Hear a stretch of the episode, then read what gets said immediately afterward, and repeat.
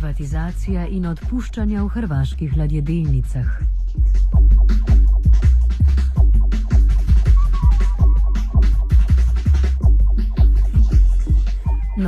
Novembrski protesti v splitski ladjedelnici Brodo Split, kjer so se zaposleni delavci vodstvu uprli zaradi neizplačanih plač, dobiva epilog. Vodstvo Brodo Splita je v teh dneh zaključilo z disciplinskimi postopki proti 254 delavci, ki so se domnevno udeležili novembrskega protestnega shoda pred upravno zgradbo, nekateri pa vanjo tudi vdrli. Veliki večini delavcev, ki so bili od protesta skoraj pol drugi mesec v suspenzu, je uprava splitske ladjedelnice izrekla opozorilo pred prekinitvijo delovnega razmerja. Zopr 13 zaposlenih pa je uvedla postopek prekinitve delovnega razmerja. Med zaposlenimi, ki so se znašli na cesti, so tudi trije sindikalni zaupniki. Predsednik neodvisnega sindikata Brodo Splita Zvonko Šegovič, njegov podpredsednik Pavle Matošič in zaupnik sindikata delavcev kovinske industrije Joško Franič.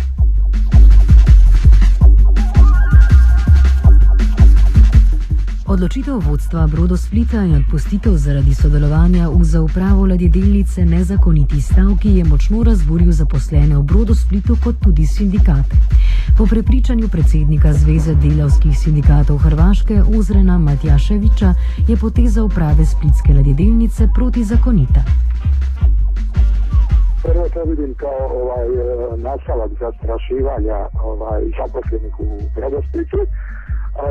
to može e, nažalost raditi u državi u kojoj vlada sama e, donosi e, zadnje, pogotovo u zadnje vrijeme kako zakone, tako i ovaj, uredbe kojim derogira i onemogućava ovaj, sindikalno djelovanje i s obzirom da znači poslodavac u ovom slučaju Brodosplita ima nažalost primjer vlade Republike Hrvatske koja postupa suprotno preuzeti međunarodnim obvezama, suprotno Hrvatskom ustavu, e, to u, tom, u ovom slučaju poslodavac samo ide na pragu vlade Republike Hrvatske.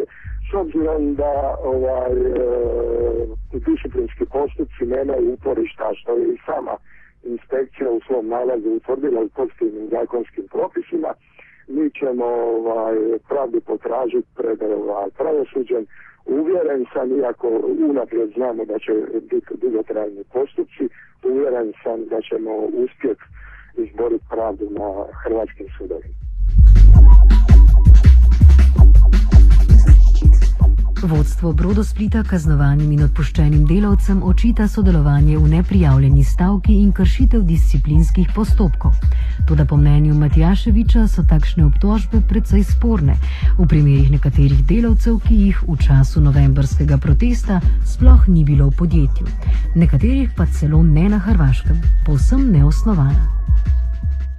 Po navodima poslodavca on je proveo obsežnu istragu kako je obsežna bila ako su se u disciplinskim postupcima nalazili radnici koji nisu fizički bili u, ovaj, u dana kada se događao prosvjed, pa čak neki nisu bili u Hrvatskoj.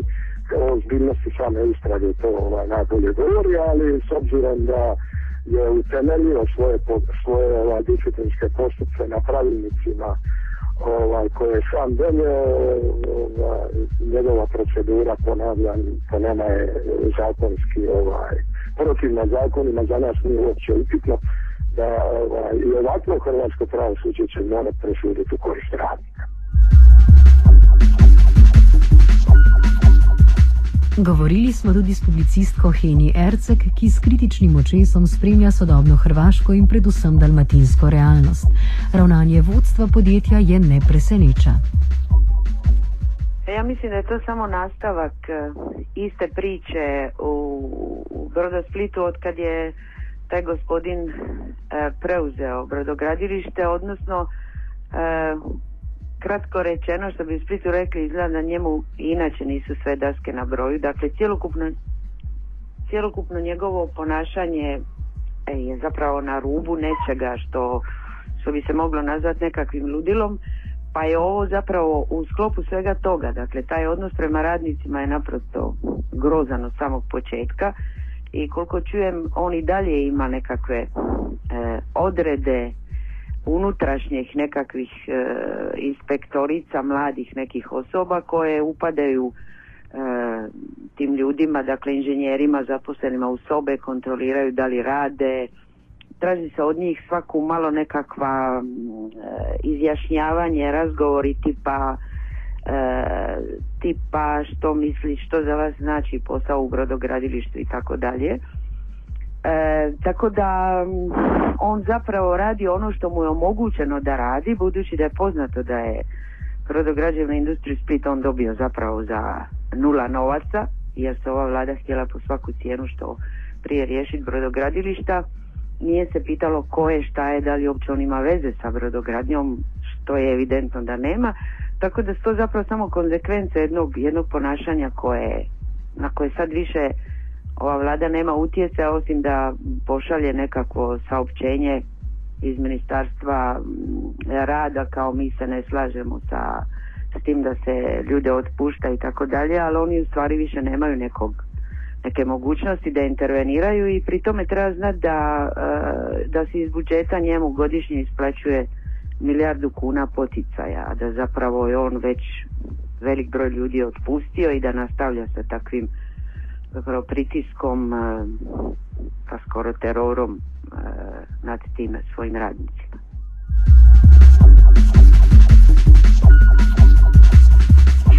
V aktualno dogajanje v Brodosplitu je poseglo tudi Hrvaško ministrstvo za delo.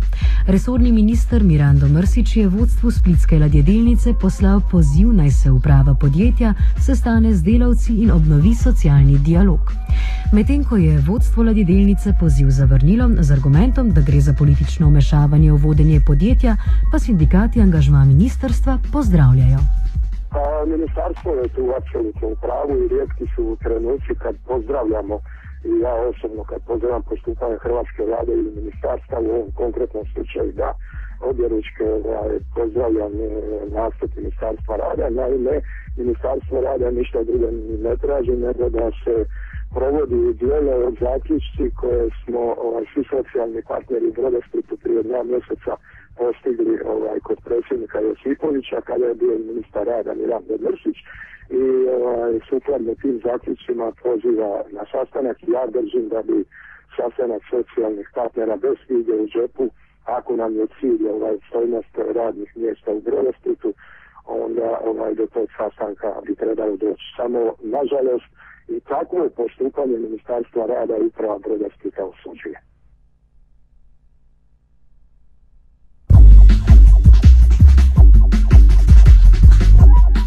Težave z izplačanimi plačami in drugimi kršitvami delavskih pravic v Brodosplitu niso novost. S podobnimi težavami in napovedmi o odpuščanju delavcev pa se srečujejo tudi v drugih hrvaških ladjedelnicah.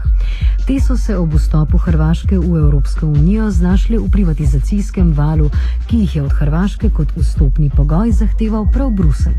Prve učinke lastniškega prehoda ladjedelnic iz državnih v privatne roke pa v največji meri občutijo prav delavci. revoluciji? Ja mislim da je, da je donijela samo loše to što je Europska unija radila pritisak i što je to bio nažalost jedan od uvjeta za prijem Hrvatske u Europsku uniju već u startu je trebalo prekinuti sa, sa tom pričom.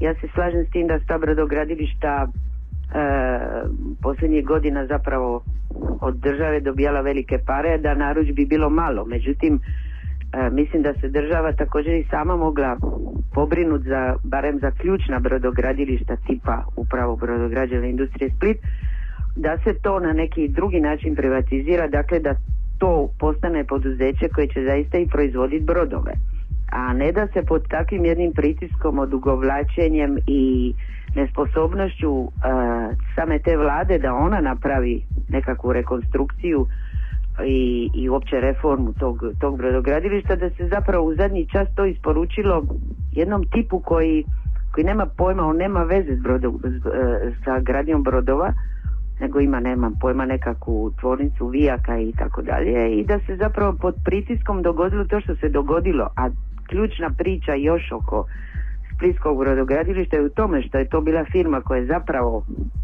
na neki način nosila grad na svojim leđima, tu je bilo sa kooperantima zaposleno oko 12 tisuća ljudi, dakle devastacijom takve jedne firme uz sve ostale je zapravo se dogodilo to da je Split e, po broju nezaposlenih zapravo strši u državi i da je stanje zapravo dosta, loše i plus toga tu su se zaista u svoje vrijeme radili brodovi kojima se je ova država mogla pohvaliti. Dakle, išlo se iz greške u grešku isključivo zbog e, pritiska Europske unije, a da se s druge strane nije od toga, e, odnosno ta, to brodograđište pretvorilo u nešto u što se ono moglo pretvoriti. Toliko ja ne vjerujem u te priče kako Europa više ne gradi brodove i tako dalje, to mislim... A tako, recite, recite. A s druge strane, kako vidimo, najveći teret će nositi radnici, jer se, kako vidimo ovdje, najavljaju ostavke, a i u drugim brodogradilištima. Tako je. Jedino, mislim da je jedino brodogradilište koje se izvuklo je e, e, riječki Viktor Lenat upravo zbog toga što su oni sami napravili privatizaciju na način da su opstali, da ljudi rade, da se brodovi grade i tako dalje. Ovo je sve jedno užasno kaotično stanje i mislim i činjenica je da se e, ljude otpušta zbog toga što su, što su htjeli štrajka i da išao je dotle da, da tri sindikalna, tri šefa sindikata oni u stanju otpušta. Dakle, uz jednu zapravo užasnu atmosferu koja se tamo događa.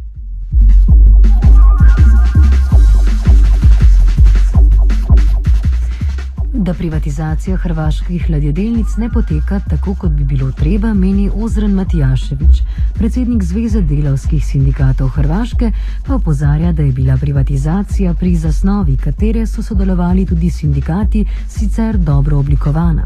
Prave težave pa se začenjajo kazati po njeni izvedbi. S obzirom da su ovaj, privatizacijski ugovori za brodogradilišta koja su se privatizirala izuzetno dobro, ovaj, sročeni javnosti su bili dostupni, da smo u dijelu socijalne klauzule, odnosno uvjeta radnika, ovaj, sudjelovali mi, e, sa onim što je napisano smo zadovoljni, ali činjenica je žalosna da prodavatelj, u ovom slučaju Hrvatska vlada, nedovoljno kontrolira ili uopće ne kontrolira provedbu kupoprodajnog ugovora, zato i jesam po izbivanju tih prosvjeda, a kad smo uvidjeli da poslodavac ne, po ne, ne e, provodi kupoprodajni ugovor sa svim onim preuzetim obavezama, pogotovo u dijelu obaveza prema radnicima, e, podnio sam kazneni prijav državnom odvjetništvu Republike Hrvatske protiv e, vlade Republike Hrvatske iz razloga što ne kontrolira provođenje kupoprodajnog ugovora. Ukoliko ovaj, e, se uspostavi nadzor nad provođenjem kupoprodajnog ugovora, istinski nadzor od strane prodavatelja, onda ovakvih postupanja poslodavca u slučaju Brodosplita ne bi bilo.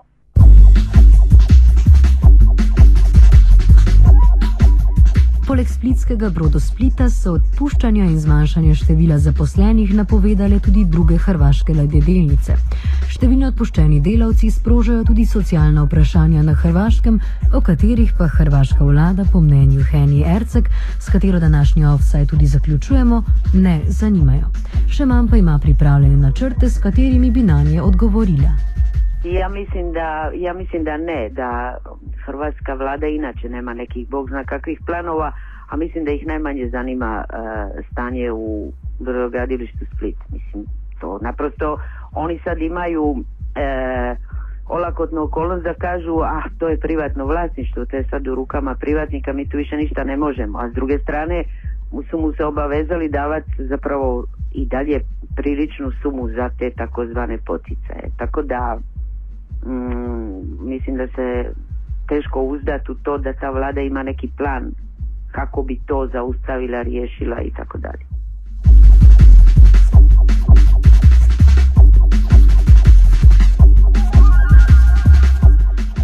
Offside sta pripravila Nec in Anuša.